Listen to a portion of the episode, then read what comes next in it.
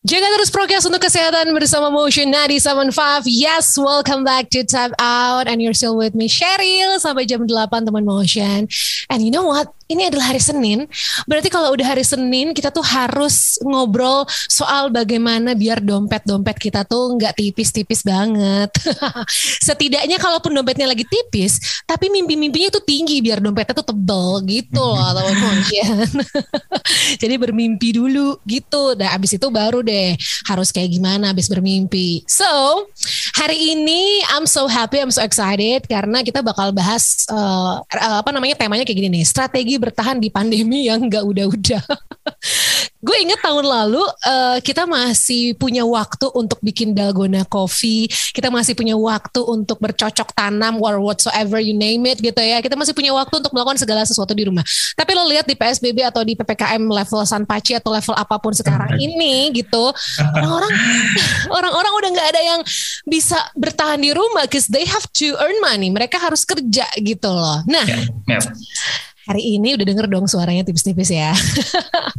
gue punya seorang CFO dari sebuah grup yang gue tuh kayaknya harus belajar kita tuh kayak harus belajar banyak banget dari grup ini dan bagaimana sih grup ini yang lumayan cukup dikenal dan besar. Mungkin kalau teman motion gue sebut nama grupnya agak nggak tahu tapi nanti kalau disebut turunan entitas-entitasnya pasti paham ya. Jadi udah ada Karoni Putra dari CFO Maka Group yaitu Maka Group karena angan karya anda nih. Hai kak. Halo halo Seri. Nggak usah panggil kakak kali ya. Hah, biar enak gitu. Hah? jadi panggil apa adek Ron aja ya Roni ya? Ya boleh boleh oke Oke. Oke Ron, uh, apa kabar? Baik baik baik. Alhamdulillah puji Tuhan. Uh-uh. Di kondisi kayak sekarang kita masih dikasih kesehatan gitu ya. Iya banget sih. Well, walaupun kelihatannya uh, gimana gitu ya, yang penting sehat. Tapi ya memang it is gitu. Yang penting sehat ya. Ya, itu dulu, itu dulu sehat dulu gitu ya. Habis dari situ kita ngomongin cuan-cuan yang lain gitu kan. Asli. Soalnya percuma mau cari cuan kalau sakit. Gitu. iya bener banget. Oke, okay, jadi backgroundnya kenapa kita bisa ngobrol-ngobrol sama Roni karena ya tadi gue udah kasih ya di tahun 2020 PSBB masih bisa dalgonaan gitu ya. Industri yeah, F&B mungkin masih punya sedikit tabungan ya kan. Tapi kan ini nggak udah-udah nih. Terus lagi-lagi F&B tuh aduh gue kalau udah ngomongin F&B ya walaupun juga semuanya terdampak ya tapi ya. F&B ini gila banget loh sampai mereka tuh bisa you know mereka bener-bener jemput bola lah ibaratnya gitu turun ke jalan supaya bisa dapetin cash flow ya kan supaya nggak boncos dan uh, mereka bisa survive lah gitu nah coba tolong ini sebelum nanya ke situ dikenalin dulu maka grup itu uh, menaungi apa aja dan CFO itu apa gitu coba tolong okay. dijelaskan sebelum sebelum jauh ngomongin Maka Group mungkin berarti kenalin CFO dulu apa gitu yes. gitu kali ya. Yes. Oke. Okay. Jadi kalau kepanjangannya itu sendiri ya Chief Financial Officer atau kalau bahasa Indonesia direktur keuangan lah ya. Iya. Terus itu tuh apa sih sebenarnya? Simpelnya sebenarnya direktur keuangan ya kayak bendahara sebenarnya ya. Dan teman-teman motion ini kan banyak yang masih kuliah atau atau yes. atau uh, belajar gitu kan di sekolah. Jadi mungkin saya mau tarik analogi yang jauh lebih simpel atau sederhana itu kayak, kayak kayak bendahara yang tugasnya uh, ngelola keuangan, ngatur duit, bikin hmm. catatan keluar masuk duit gitu ya. Yeah. Uh, dan dia juga tangan kanan dari si um, ketua organisasi gitu misalnya. Ketua organisasi dia punya bendahara gitu kan. Okay. Nah itu analogi analogi awalnya dulu nih. Coba memang kalau misalnya kita tarik ke CFO itu uh, lebih kompleks sedikit. Kenapa lebih kompleks sedikit? Karena uh, si bendahara yang tadi kita sebutkan itu ternyata udah dikasih tanggung jawab yang untuk mengelola uh, sebuah keuangan sebuah perusahaan yang jauh lebih kompleks. Mm. Karena gini, uh, sebenarnya nggak semua perusahaan uh, itu harus punya CFO, enggak kan? Okay. Kayak, kayak paling sering kita ngelihat startup itu biasanya founder and CEO gitu, udah gitu. And then abis dari situ, ketika startupnya mulai membesar, baru dia tuh dia butuh uh, sparring partner. Si direkturnya itu butuh sparring partner, misalnya dalam hal ini dari kondisi keuangan. Nah, barulah ada uh, function yang namanya CFO itu gitu. Jadi kita ngomongin ngomongin perusahaan yang udah mulai membesar, uh, manajemen cash flow-nya jauh lebih banyak lagi, jauh lebih kompleks lagi, baru dibutuhkan sosok seorang CFO. Nah, sosok seorang CFO itu sama kayak si bendahara tadi, dia itu tangan kanan, tangan kanan dari direktur utama atau biasa kita sebut CEO Okay. Nah, si CEO ini dia yang bertanggung jawab untuk mengelola keuangan, cuman lebih lebih bisa strategical thinking juga gitu. Jadi mesti tahu bahwa uh, perusahaan ini mau dibawa ke mana, direktur utama ini punya visi ke mana Nah, kita si CFO-nya itu melakukan semacam uh, apa uh, analisis-analisis oke okay, kira-kira untuk mendukung rencana dan visi misi tersebut itu seperti apa gitu sih.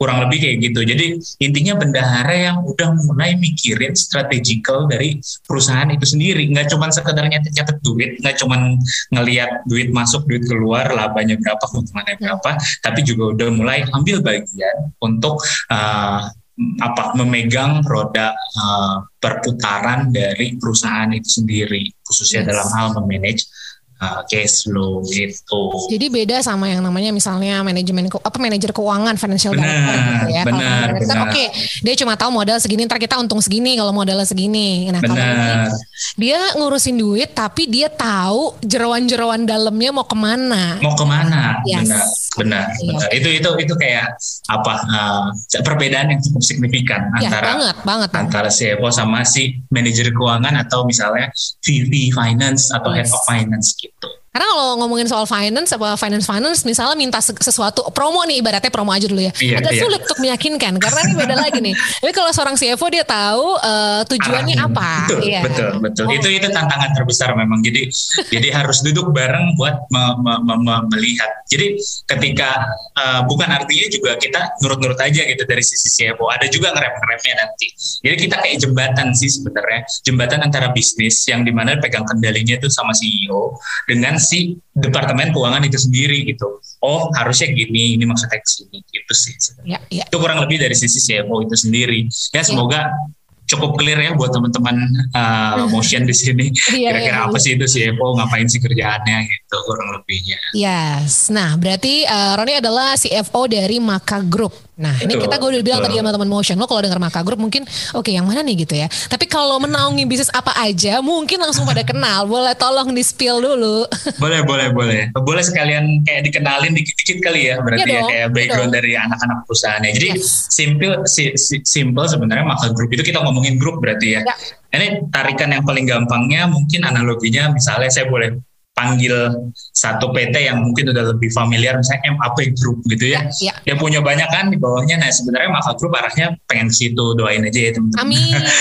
jadi jadi intinya adalah kita kita sebuah naungan uh, kita sebuah grup yang menaungi beberapa anak perusahaan. Nah kepanjangan maka tadi udah sempat disebut makna angan karya Andanu.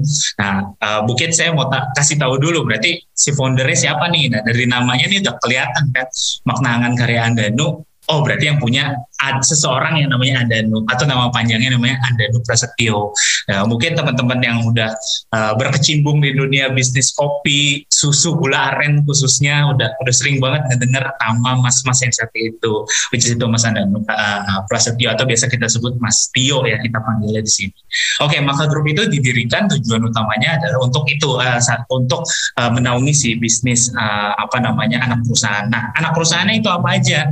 Nah, itu ada ada ada beberapa mungkin. Saya sebutin yang pertama. Yang pertama itu ada Tooth House, uh, Tooth House Cafe. Pernah dengar nggak Tooth House ya, Cafe? Cepete ya. Betul, betul. Jadi uh, teman-teman yang yang di daerah-daerah Jakarta Selatan mungkin harusnya udah tahu kali ya harusnya ya udah pernah juga datang di kita punya dua lokasi daerah uh, di Jakarta Selatan itu ada di Cipete Raya tadi benar ada lagi satu lagi di Karangtengah sama di di Jakarta Selatan juga nah baru banget di di bulan lalu itu kita juga uh, punya saat si House uh, ini punya uh, cloud kitchen di daerah Jakarta Barat. Ini um, motion juga di Jakarta Barat kan ya kalau nggak ya, salah ya? Iya kita okay. di Hayamuruk. Oke, coba Jakarta Baratnya sisi Hayamuruk sisi nanti. Hayamuruk. Ya. Kalau kalau kita yang cloud kitchen di Jakarta Baratnya itu di sisi um, apa daerah Kemanggisan situ lah gitu. Nanti boleh di search. Jadi kita punya jadi situs sos itu punya dua fisik yang berbentuk kafe sama satu lagi yang berbentuk cloud kitchen atau dapur bersama. Gitu. Nah selanjutnya, nah yang kedua nih yang udah nggak istilahnya yang udah uh, harusnya udah familiar ya, itu kita juga membawai satu anak perusahaan yang nama brandnya adalah toko kopi tuku gitu. Nah maka grup itu adalah pemilik atau atau atau holding company dari si toko kopi tuku ini gitu.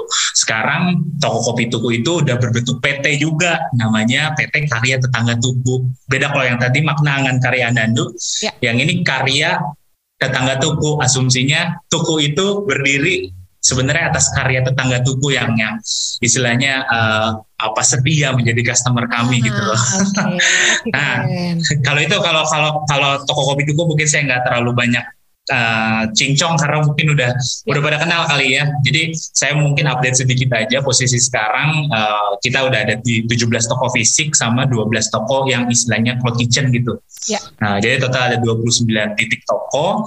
Uh, terus ada tambahan satu lagi yang kita sebutnya commerce. Commerce itu kayak dealing with uh, B2B atau partai besar gitu. Jadi kalau Cheryl atau uh, Motion punya acara terus pengen mesen toko kopi tuku itu bisa tuh lewat situ. Jadi B2B plus si commerce ini juga uh, apa menjual produknya melalui e-commerce kayak Tokopedia, Blibli dan lain-lain. Termasuk kita si commerce ini juga yang bertanggung jawab untuk melakukan kolaborasi-kolaborasi dengan brand-brand lain. Gitu. Nah ini di situ gitu. Jadi orang lagi toko kopi tuku itu karena dia udah jadi PT, dia punya unit bisnis unit bisnis lagi. Yes. Gitu. Oke. Okay. Tadi di tengah-tengah penjelasan Maka Group yang ternyata dia itu holding company dari si Tuku ini yang juga udah punya PT sendiri, yang juga sudah berupa berupa PT gitu ya. Betul. Selain itu apa lagi sih? Oke, okay, selain itu, oke okay, saya sharing ada dua lagi sebenarnya. Yes, yes. Semoga tahun depan bertambah bertambah bertambah ya.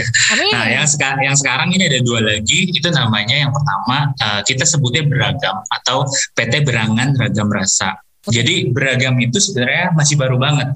Itu dia baru jadi PT di awal tahun 2020 kemarin. Hmm. Jadi PT si beragam ini. Nah, beragam ini awalnya itu sebenarnya supporting unit dari Tuku. Jadi dia tuh fokus untuk uh, roastery uh, si Tuku ini karena karena Tuku itu ngegoreng sendiri uh, dia punya kopinya.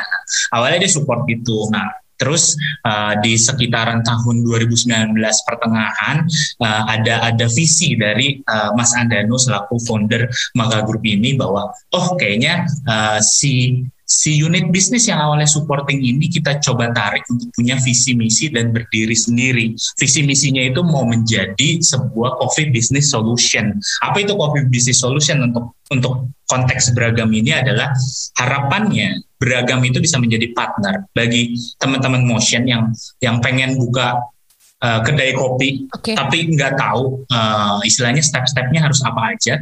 Nah, di situ uh, di situ bisa uh, menghubungi si beragam ini untuk menjadi partnernya, untuk memberikan semacam jasa konsultasi bahwa dari awal sampai akhir yang harus dipersiapkan ini dan bisa disuplai dari si beragam itu. Itu itu visi visi salah satu visi utama dari beragam. Makanya uh, akhirnya diputuskan tahun 2020 oke okay, dia jadi PT sendiri gitu.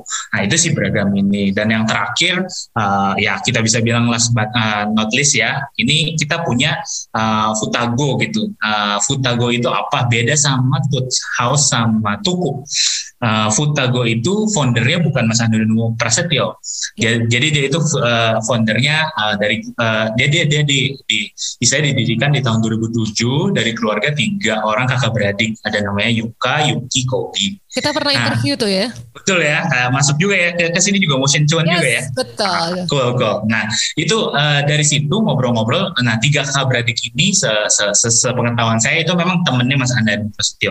Ngobrol-ngobrol ternyata punya visi yang mirip yang sama dengan Maka Group. Akhirnya diputuskan di di tahun 2019 itu kita mengakuisisi jadi mengakuisisi brand Futago ini menjadi anak perusahaan kita, salah satu anak perusahaan kita dengan nama PT Riori Karya Futago. Nah karena karena udah pernah di interview, mungkin teman-teman motion yang penasaran mungkin bisa cari-cari di, di bawah ya, gitu ya, apa aja produknya segala macam, itu bisa dilihat bahwa awalnya dia itu masih ingat nggak serial awalnya produknya dia apa? Awalnya oh. itu dia onigiri dari bekal cool. waktu cool. itu pertamanya. Saya jadi macam ngetes ya. masih masih ingat, masih bagus. Masih siap siap siap. Nah, jadi benar. Nah, jadi awalnya dia itu uh, istilahnya booming, bukan booming ya, ya kekuatan dia jadi onigiri dari bekal itu dari bentonya itu ya uh, onigiri. Nah di, di istilahnya itu di, di, dibungkus demikian rupa jadi sustain dan menjadi sebuah bisnis gitu. Nah itu sih Onigiri Futago dan ketika dia bergabung ke PT Maka Group, memang di tahun 2020 pertengahan seingat saya itu si Futago ini juga berhasil mendirikan satu kedai di daerah Blok M. Mungkin itu juga udah pernah ditanya uh, ada uh, Futagoya kita sebutnya di situ kedai yang konsepnya mirip ke Jepang-Jepangan tapi mengadopsi konsep Indonesia jadi Japindo gitu Japindo sih benar kan? Jadi uh, harapan ya makanannya itu Jepang tapi ketika masuk ke lidah orang Indonesia itu cakep gitu. Nah dari, dari situ uh, kita olah produknya apa segala macam ternyata memang works dan diterima sama masyarakat dan ada satu produk kita yang cukup booming sampai viral itu uh, creamy miso udon namanya gitu. Jadi jadi itu kurang lebih jadi uh, kalau saya persingkat dan wrap up kita punya di dalam Maka Group itu untuk posisi saat ini kita punya Tooth House, kita punya toko kopi tuku, kita punya beragam dan kita punya Riori Karya Futago posisinya ada empat itu gitu yes. uh, benar benar benar benar benar jadi um, semoga nanti ini tidak apa ya akan terus berkembang ya. Amin. Amin. Oke, okay. kita masuk ke masalah si PSBB dan PPKM. Oke, okay? udah PSBB udah PPKM nih. Bedanya apa nih dari yang tahun lalu sama sekarang nih bedanya yang dirasain sama Maka? Oke. Okay. Perbedaan yang kita rasain langsung aja nih saya saya, saya lompat sebenarnya uh, saya mau tarik dari sisi kekekatannya dulu ya. Oke. Okay. Kalau kalau kita mau bicara sebenarnya kalau kita mau fair-fairan sebenarnya ketatnya itu sebenarnya lebih ketat PSBB ketimbang Betul. PPKM. Benar ya? Setuju Betul ya? banget ya. Uh, nah, ketika PSBB dulu itu itu parah banget sih yang punya ya khususnya yang punya oh, cafe atau resto di mall itu udah udah mati. Kita mostly kebetulan uh, kita standalone memang. Stand jadi kita untungnya ya. Benar. Jadi kita tetap bisa serve tapi ya uh, take away only tapi ya tetap aja turun drastis dari sisi ya. pendapatan ya. Uh, gitu. Jadi di psbb itu khususnya karena memang seketat itu gitu. Uh, untuk jadi untuk uh, beroperasi malah jadi nggak ada. Daya kita di Futago juga dia punya uh, efek Sudirman ya dia punya satu outlet gitu. Mau nggak mau jadi harus tutup ketika psbb kemarin. Nah di ppkm di ppkm itu memang terasa lebih uh, nggak nggak seketat dulu uh, apa namanya dari sisi peraturannya dari sisi uh, pembatasannya. Cuma memang kalau kita ngomongin ketat nggak ketat, sebenarnya uh, apa problem terbesarnya tetap tetap terjadi gitu, tetap ada. Maksudnya uh, di FNB ini kalau saya boleh tarik ya, mau di PSBB kemarin ataupun di PPKM kayak sekarang, itu tuh ada dua hal yang yang yang yang akan kita temui gitu. Which is yang pertama adalah penurunan traffic yang sangat signifikan. Ya. Nah, kenapa? Padahal ya traffic itu adalah kuncian gitu ya. Kuncian utama ketika kita mau bikin suatu restoran. Kan sering kalau misalnya Cheryl mau bikin uh, restoran pasti ditanya nih, uh, di situ ramai nggak gitu ya. Itu adalah itu, itu adalah kunci utama gitu. Ah, gue pengen bikin coffee shop di sini karena ramai gitu. Itu titik utama kan, titik pertama traffic ramenya. Nah, ketika PSBB mau PSBB atau PPKM gara-gara COVID intinya, trafficnya turun drastis. Itu satu hal yang yang benar-benar jadi uh, yang benar-benar jadi uh, tantangan buat kita. Dan yang kedua adalah penurunan daya beli masyarakat. Entah itu karena layoff, entah itu uh, karena memilih saving daripada spending, daripada jajan-jajan mendingan nabung, atau gajinya dipakai buat uh, ngebantu keluarga yang emang kena layoff. Nah itu lebih serem lagi juga. Karena kenapa? Kita nih misalnya di Mangka kayak tadi, kita agak ketar-ketir pas awal-awal PSBB karena ini produk kita adalah produk yang bahan pokok apa produk yang istilahnya cuma gaya hidup doang nih. Karena kalau produk cuma gaya hidup doang ketika daya belinya daya belinya turun udah pasti kita ditinggalin gitu kan. Yes yes yes. Daripada beli ini mendingan beli telur sama sama beras aja udah gitu. Benar yang penting bisa makan. Nah itu adalah tantangan dua dua hal yang yang tantangan yang sangat besar yang kita harus hadapi mau itu pas PSBB ataupun PPKM. Ya semoga nggak ada PPKM PPKM lain ke depannya lah ya. ya. Barbie nih. Benar gitu. Nah cuma memang, memang untungnya kalau saya boleh share sedikit, itu memang kita udah memetakan dua resiko itu bahkan sebelum COVID masuk ke Indonesia. Jadi uh, jadi kita kayak semacam bikin uh, analisis resiko gitu. Uh, kira-kira kira-kira kalau sampai COVID masuk ke Indonesia apa yang akan terjadi? Karena oh, udah ada nih. Oke. Okay. Karena udah ada di, di di di misalnya di Singapura itu kan awal Januari itu masuk. Yes. Dan kita udah langsung bisa baca di Singapura COVID masuk udah lockdown semua gitu kan. Yang which is itu yang akan kita uh, hadapi cepat atau lambat nggak tahu kapan. Makanya jadi itu penting banget untuk menjadi istilahnya strategi-strategi yang nggak banyak tapi kita udah punya udah punya bekal gitu. Once udah itu tahu terjadi. gitu ya. benar benar. Meskipun belum tentu benar karena harus divalidasi lagi belum tentu benar. Tapi setidaknya kita punya plan yeah. untuk untuk mengatasi krisis yang akan terjadi di masa yang akan datang. Gitu. Banget. Eh tapi ini tipis dulu ya dikit nih sebelum kita lanjut. uh, dari tahun lalu sama tahun sekarang uh, melakukan apa ya maksud aku, maksud aku tuh sempat melakukan uh, layoff untuk pekaryawan nggak posisi saat ini puji Tuhan enggak. Oh. oh memang kalau boleh saya share kita melakukan restrukturisasi. Jadi ya, gini, ya. Uh, dari empat anak perusahaan yang kita punya kita melakukan assessment mana yang bisa dijadiin skoci, mana yang udah by default udah susah meskipun kita tetap uh, tetap tetap usahakan untuk dapat revenue gitu. Ya. Nah dari situ struktur dari uh, karyawan-karyawannya yang awalnya jadi menggendut gara-gara revenue-nya hilang itu kita melakukan restrukturisasi dan memang sepoci penyelamat kita tuh ada di tuku. Nanti mungkin uh, kalau udah ngomongin strategi, saya akan sharing-sharing juga apa yang bisa bikin kita uh, survive gitu intinya kemarin gitu. Nah uh, intinya itu sih. Jadi uh, Alhamdulillah puji Tuhan kita nggak melakukan layoff dan THR dibayar lancar dan semoga itu menjadi istilahnya menjadi doa juga yang Amin. kita dapatkan dari karyawan-karyawan kita serta keluarga karyawan-karyawan kita untuk terus bisa survive di ya. kondisi yeah. kayak kali ini gitu. Yes. Karena kita sama-sama tahu uh, dari beberapa kali gue ngobrol juga sama beberapa teman-teman yang punya bisnis gitu ya. Kalau hmm. memang bisnisnya sudah settle nih, aku gak ngomongin bisnis yang baru mulai terus kena pandemi ya, tapi bisnisnya udah lumayan lagi settle, lagi revenue. Harusnya kalau mereka uh, secara finansial itu kemarin bener masih bisa survive, at least setahun survive lah ya harusnya oh, gitu. Cool, cool.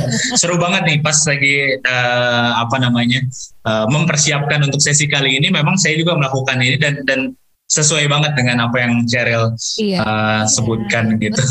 Tadi gue sempat bilang seharusnya untuk company-company yang apa ya, company-company yang yang yang yang sebenarnya sudah mulai settle pada saat lagi uh, ppkm pertama gitu ya harusnya mereka masih bisa bertahan survive setidaknya one year lah memang kalau udah masuk ke 2022 2021 emang udah agak aduh pengen jedotin pala ya tapi ah, bener. harusnya dengan kekuatan finansial yang baik harusnya masih bisa bertahan nah tadi udah sempat di spill gimana sih eh, cara-cara bertahannya mengelola keuangannya gitu ya supaya kemarin tuh bisa survive mungkin mungkin sedikit aja gitu boleh ya. Oke, okay. jadi uh, kemarin bisa survive dan itu memang hak yang kita lakukan juga di di, di ppkm kali ini gitu. Which is uh, tadi juga saya sudah sempat mention ya uh, bahwa kita kita identifikasi dua risiko terbesar, which is itu penurunan traffic sama kedua penurunan daya beli gitu. Eh, sorry, iya penurunan traffic sama penurunan daya beli masyarakat ya. Nah untuk penurunan traffic memang uh, caranya ya ya kita lakukan pas di psbb dan ppkm itu adalah mencari traffic baru itu, yang di mana kita paling paling sering uh, dengar istilah omni channel ya pas di awal-awal dulu uh, pandemi itu ada istilah namanya omni channel itu maksudnya ya segala macam uh, channel yang bisa kita jalankan untuk melakukan uh, penjualan itu kita lakukan karena traffic kita karena traffic kita di restoran yang kita punya itu turun drastis. Jadi kita cari channel-channel lain. Channel-channel lain itu apa contohnya? Paling gampang masuk ke e-commerce gitu kan. Itu salah satunya. Uh, terus Uh, kalau misalnya ada yang sekarang juga konsep baru cloud kitchen, cloud kitchen juga sama tuh kita nggak perlu ada toko baru tapi kita produk kita bisa ada di sana. Itu itu salah satu channel. Bahkan ya di Maka Group itu, Maka Group punya konsep pas kemarin PSBB pas dan uh, dan dan PPKM tahun ini itu kita punya namanya agen maka gitu. Agen maka itu apa? Nah itu juga salah satu channel sales yang kita maintain. Agen maka itu sesimpel karyawan yang kita punya sekitar 250 sampai 300 orang di Maka Group ini itu bertindak sebagai agen istilahnya hmm. ikut ngejual ikut ngejual produk-produk maka gitu produk maka oh, grup okay. gitu ke mana ke, ke keluarganya de, uh, ke keluarga terdekatnya mereka ke, Serius nih? Benar, benar. Termasuk saya. Termasuk saya ikutan. Istri saya sih yang melakukan penjualan karena saya kerja di makanya. Nah istri saya menawar-nawarin tuh ikut open PO segala macam. Itu adalah salah satu oh. ikhtiar ya kita bilangnya uh, untuk bisa uh, istilahnya me, me, me, uh, mencari channel-channel penjualan yang yang baru gitu dan itu maka grup untuk uh, untuk maka grup itu ada, ada agen maka terus ada juga di tuku satu lagi namanya titip titip tetangga tuku. Nah, titip tetangga tuku itu mirip kayak agen mata, cuma bedanya titip tetangga tuku itu kita ngambilnya adalah tetangga tuku yang udah kita kenal. Tetangga tuku itu sebutan buat customer kita tetangga tuku itu okay, di, okay. di di tuku. Nah, tetangga tuku yang kita udah kenal, terus dia WFH, WFH-nya misal WFH-nya di Bekasi, Mm-hmm. Ya udah habis dari situ ditawarin uh, di di sekelilingnya dia ada yang mau ikutan beli tuku nggak? Ya udah open PO di situ, ambil di drop gitu itu yang kita lakukan. Jadi benar-benar channel apa pun yang yang yang mungkin kita bisa lakukan itu kita kita jalani gitu. Itu salah satunya untuk menciptakan traffic. Yang kedua untuk uh, antisipasi penurunan daya beli. Kalau kita udah takut produk kita nggak bisa diterima masyarakat, gimana caranya untuk bisa diterima yaitu dengan mengubah konsep produknya atau mengubah uh, cara produk itu disajikan. Kayak misalnya saya saya ambil contoh uh, tuku tuku dengan tuku curnya. Itu adalah yeah, yeah. Uh, adalah cara kita untuk bisa menyesuaikan dengan kebutuhan uh, customer kita which is itu karena dia di WFA di rumah. Dia meeting seharian butuh kopi daripada dia bulak balik atau bulak balik pesan ojol ataupun bulak balik ke toko buat beli itu ada resiko covid segala macam juga makanya kita sediain untuk kucur yang satu liter. Itu di di launching kalau nggak salah ya sehari atau dua hari ketika diumumin psbb jadi sebenarnya kita memang udah punya udah punya planning planning itu di sebelumnya konsep hmm. kucur itu udah ada sebenarnya memang. Dan itu adalah hal yang paling penting untuk teman-teman uh, apa uh, lakukan ketika melakukan uh, istilahnya mitigasi resiko gitu Yes. Nah, coba memang saya saya lanjut langsung ke, ke pertanyaan uh, Cheryl yang terkait uh, kondisi sekarang. Mm. Itu tuh dari sisi cash flow itu harusnya bagus atau ada cadangan atau gimana gitu ya? Tadi kalau nggak salah kan? Ini enggak maksudnya mm-hmm. mungkin mungkin lebih lebih gini kali ya. Gimana, uh, gimana? Apa namanya?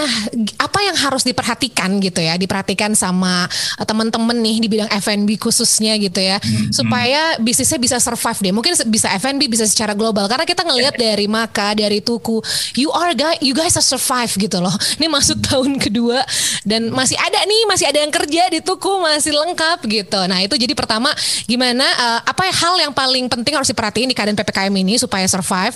Dan yang kedua mungkin tips ngelola keuangan untuk pebisnis baru khususnya F&B. Mungkin langsung ke situ biar jelas gitu. Oke, okay, oke. Okay. Jadi uh, kalau saya boleh summary ya, ya, itu kalau saya sih punya empat poin, punya empat poin yang mungkin saya bisa share. Tapi ini perspektifnya karena saya CFO dari keuangan okay. banget ya, nggak apa-apa ya, nggak apa-apa ya. Keuangan nih ngomongin ya. Keuangan, keuangan banget ya. Nah yang pertama, jadi empat poin itu saya breakdown. Kayak yang pertama ada ungkapan cash is king gitu. Oke. Okay. Nah itu itu benar-benar ditancepin di dalam pemikiran teman-teman yang punya usaha cash is king. Kenapa itu harus di benar-benar dipegang teguh? Karena karena biasanya ada ada ada pengusaha yang uh, mengukur kesehatan keuangan itu berdasarkan profitability. Nama nama nama nama finance profitability itu adalah kemampuan usaha itu bisa menciptakan keuntungan. Misal kita jualan 100 ribu, kita pengennya untung yang dihasilkan dari 100 ribu itu adalah 30 ribu untung bersihnya itu profitability itu tiga puluh ribu. Itu yang dikejar biasanya. Di sini di sini kata-katanya cuan berarti. Nah ketika kita ngomongin uh, cash uh, cash is king atau cash flow itu tuh kita yang penting kita punya perputaran uang yang baik. Nggak peduli itu jadi kegerus dari seratus ribu kegerus jadi cuma seratus ribu aja atau bahkan jadi nol itu nggak masalah. Yang penting kita survive. Jadi uh, kita perlu bisa uh, benar-benar mementingkan kondisi cash flow kita di kesehatan di di, masa-masa survival kali ini gitu. Uh, misalnya contoh ya, contoh kayak, kayak misalnya uh, kita melakukan kolaborasi. Kolaborasi itu dari sisi profitability kalau saya dari kacamata CFO itu uh, ngegerus kita punya keuntungan sebenarnya karena pasti kolaborasi itu ada sharing revenue yang kita kita bagi kan gampangnya gitu ya. Nah, uh, ketika uh, mood kita adalah survive, yang apa apa itu jalanin gitu. Cari benar-benar uh, hal-hal yang bisa me me mendatangkan keuangan tanpa perlu uh, terlalu memikirkan profitability-nya. Cash is king. Itu yang pertama. Yang kedua juga kita memahami struktur biaya, struktur biaya dari perusahaan kita. Bayar gaji berapa? Yeah. Bayar sewa berapa? Hubungannya ketika kita memahami struktur biaya dengan sangat baik, itu kita bisa melakukan uh, analisis kira-kira kalau mau efisiensi itu di, di pos-pos yang mana aja ya kita nggak mau efisiensi gaji itu menjadi pilihan pertama dong gitu ya, ya cari dulu pos-pos yang lain. Gitu. Ya. Jadi intinya teman-teman harus benar-benar paham struktur biaya dari perusahaan uh, atau usaha teman-teman uh, sendiri gitu. Ah. Itu yang kedua ya. Nah yang ketiganya itu relate sama si struktur biaya. Kita ngelihat kayak kondisi keuangan kita tuh punya punya istilahnya punya kekuatan sampai di mana. Punya kekuatan sampai di mana ini kondisi titik sekarang. Kita punya cash berapa? Itu kira-kira bisa uh, dipakai buat nafas sampai berapa lama. Itu sebenarnya harus dilakukan ketika pas PSBB. Kalau kalau dulu nggak dilakukan, sekarang pas PPKM baru bisa melakukan uh, assessment itu, monggo dilakukan. Jadi di titik sekarang teman-teman punya duit berapa gampangnya gitu ya di usahanya. Ya. Habis dari situ di, dinilai kekuatannya bisa sampai uh, kapan?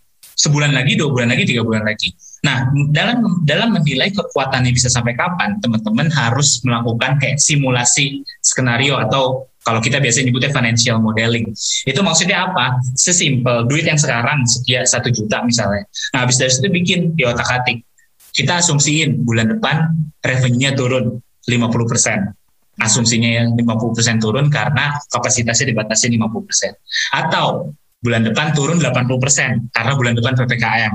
Jadi cuma take away only. Atau bikin juga skenario yang bahkan lebih parah, which is itu turun 100 persen karena total lockdown misalnya gitu. Nah dari skenario-skenario itu teman-teman tinggal bikin kayak semacam perhitungan sederhana aja. Okay. Duit sekarang ditambah potensi pendapatan yang masuk which is itu 50% atau 20% atau 0% itu uh-huh. dikurangi biaya yang akan terjadi makanya perlu melihat struktur biaya ya nah habis dari situ kan pasti kegerus tuh ya duitnya nah kegerusnya itu di titik mana atau di bulan mana menjadi negatif atau cash flow negatif.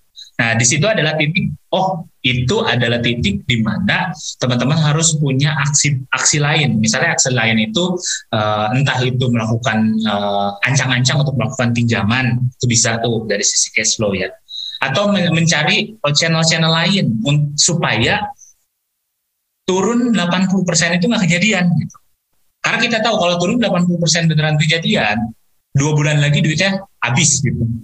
Nah itu adalah hal yang paling perlu dilakukan, which is itu melakukan perencanaan keuangan dengan skenario yang banyak tapi ya nggak cuma satu skenario yang banyak itu tadi sales turun 50% gimana sales turun 80% gimana sales turun 100% gimana gitu nah dari situ harapannya teman-teman udah bisa uh, istilahnya membuat apa uh, risk mitigation planning gitu jadi uh, oh kalau ini turunnya jadi begini, harus melakukan ini.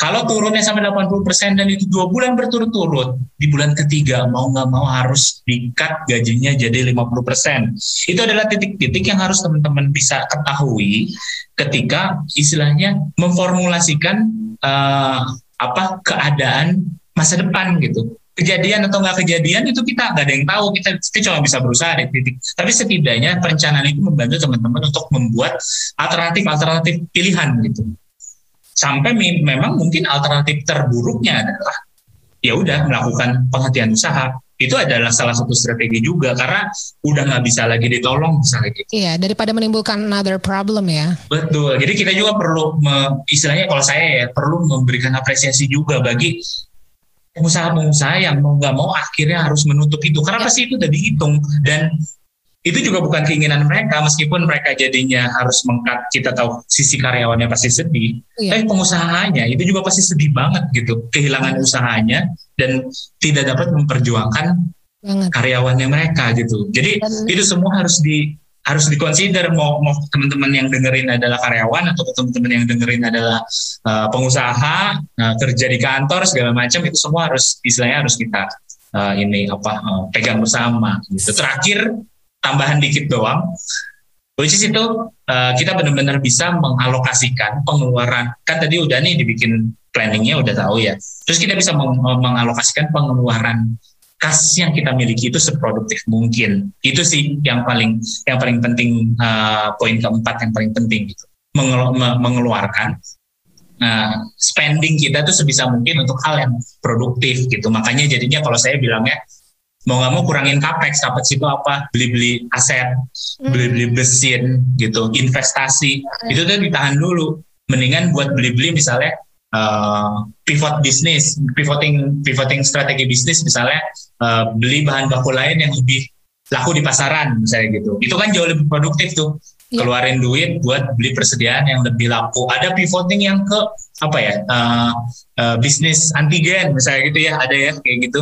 Itu adalah salah satu cara untuk Oke, okay, sekarang kita punya cash flow. Gimana caranya cash yang kita miliki sekarang itu di spend ke sesuatu yang sangat produktif dan bisa mendatangkan uh, revenue lebih cepat. Itu sih empat poin itu. Yes, tuh itu benar-benar bekal banget tuh ya. Tapi memang menjadi seorang entrepreneur, menjadi seorang pengusaha tuh butuh mental baja dan juga hati karet ya. Jantung kayak mau copot, tarik lagi, copot kayak mau copot, tarik lagi. ya kan? Oke. Okay. Ini mungkin you know uh, this is gonna be our last question dan ini kayaknya pamungkas banget. Gue nggak tahu sih lo mungkin nggak boleh sharing ya, tapi mungkin secara uh, ini aja sih, secara garis besar aja atau kira-kira bakal kayak gimana lah gitu ya. Jadi mm-hmm. gini, amit-amit nih ya Allah, jangan sampai sih knock on wood, gue udah gak ngerti lagi dia mau ngomong apa ya. Tapi kalau sampai ppkm ini kelar, tapi terus ada tahun depan ada lagi cuy, ppkm aduh, extension, ppkm extension atau the return of ppkm gitu kan? Karena tuh tuh virus mutasi mulu, dia udah kayak mutan ya kan. Nah jadi mungkin ada tameng atau ancang-ancang manuvernya bakal kayak gimana sih gitu. Oke, kita amit-amit dulu kali ya bareng-bareng ya. Udah banget banget udah ya, ya udah banget ya. Parah asli. Bener, bener, bener.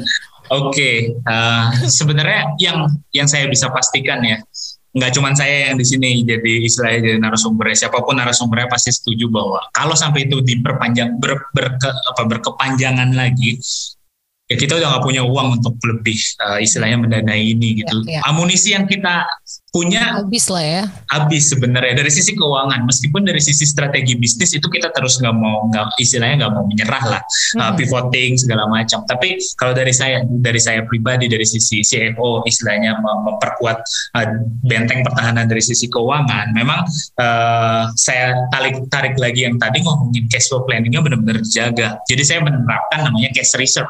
Cash cash reserve itu semacam duit di bank minimum itu ada segini. Itu tuh harus dijaga terus. Nah ketika itu di bawah dari minimum duit yang harus kita miliki itu tuh udah menjadi warning udah jadi apa uh, red flag buat nyari alternatif lain. Nyari alternatif lain itu salah satu yang memang belum kita eksplor puji Tuhan sampai sekarang belum kita eksplor adalah harus minjem untuk mendanai operasional gitu. Jadi uh, tapi mau nggak mau ketika itu udah terjadi setahun dua tahun tiga tahun gitu uh, krisis ini mau nggak mau itu harus diambil juga gitu ya. Itu uh, cari pinjaman misalnya. Karena karena kita belum mau menyerah ya gitu. Harapannya ya itu sih. Jadi uh, tameng tameng yang kita siapkan adalah uh, yang kemarin strategi kemarin yang kita udah lalui kita udah punya pengalaman itu diperkuat lagi. Terus yang kedua, terus uh, istilahnya terus bisa di uh, maintain dari sisi cash flow planningnya itu. Kalau kalau kalian dari sisi keuangannya ya, untuk untuk bisa memberikan sinyal-sinyal ini udah uh, sinyal merah merah gitu. Ini udah nggak benar, ini udah nggak bagus. Nah itu itu terus di, di maintain. Uh, Sebenarnya nggak cuma pas ppkm sih, nggak cuma pas covid sih ketika kalian udah keluar ketika kita udah berhasil keluar keluar pun kita harus melakukan uh, istilahnya manajemen resiko terus terus di maintain terus terusan karena kita nggak tahu di depan ada apa lagi gitu kan dan ini menjadi pelajaran yang berharga bagi kita semua gitu uh, bahwa uh, kita harus menerapkan uh, suatu uh, risk assessment dan risk management yang sangat baik bagi perusahaan. Biasa memang ya gitu. ya tantangannya. Tapi I believe that setelah gue gue yakin dan percaya setelah ini berlalu gitu udah mulai better, pasti kalian udah bener bener-bener uh, fondasinya tuh kuat banget ya. Karena yang kayak gini aja udah dilewatin men. Kayaknya yang Amin, semoga. bakal, aduh kecil lah gitu. Tapi memang kalau jasa kan selalu ada aja masalahnya kan. Tapi betul, ini tuh luar biasa sih. Ah, tapi gue doain pokoknya maka sukses terus ya amin kan? amin amin.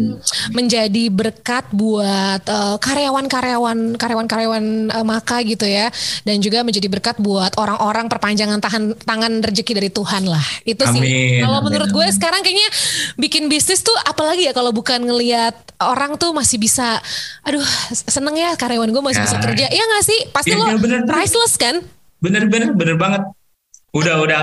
Udah nggak lagi mikirin harus profit sekian segala macam gitu. yang gaji deh gitu. Yang bener, bener. gaji udah. Mereka soalnya mereka juga pasti kan kayak udah capek gitu ya. Karyawan kita juga udah capek masalah ngadepin PSBB atau PPKM ya. yang berjilid-jilid belum ada keluarganya mungkin yang udah kena COVID bahkan ya. mungkin sampai kehilangan kayak gitu-gitu tuh itu harus di maintain banget dan. Bener setuju sih gitu jadi Benar. Oke, okay.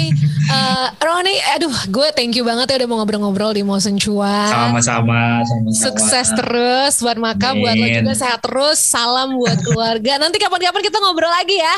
Sip, sip, sip, sip. Terima you. kasih. Sama-sama. Thank you. Bye-bye.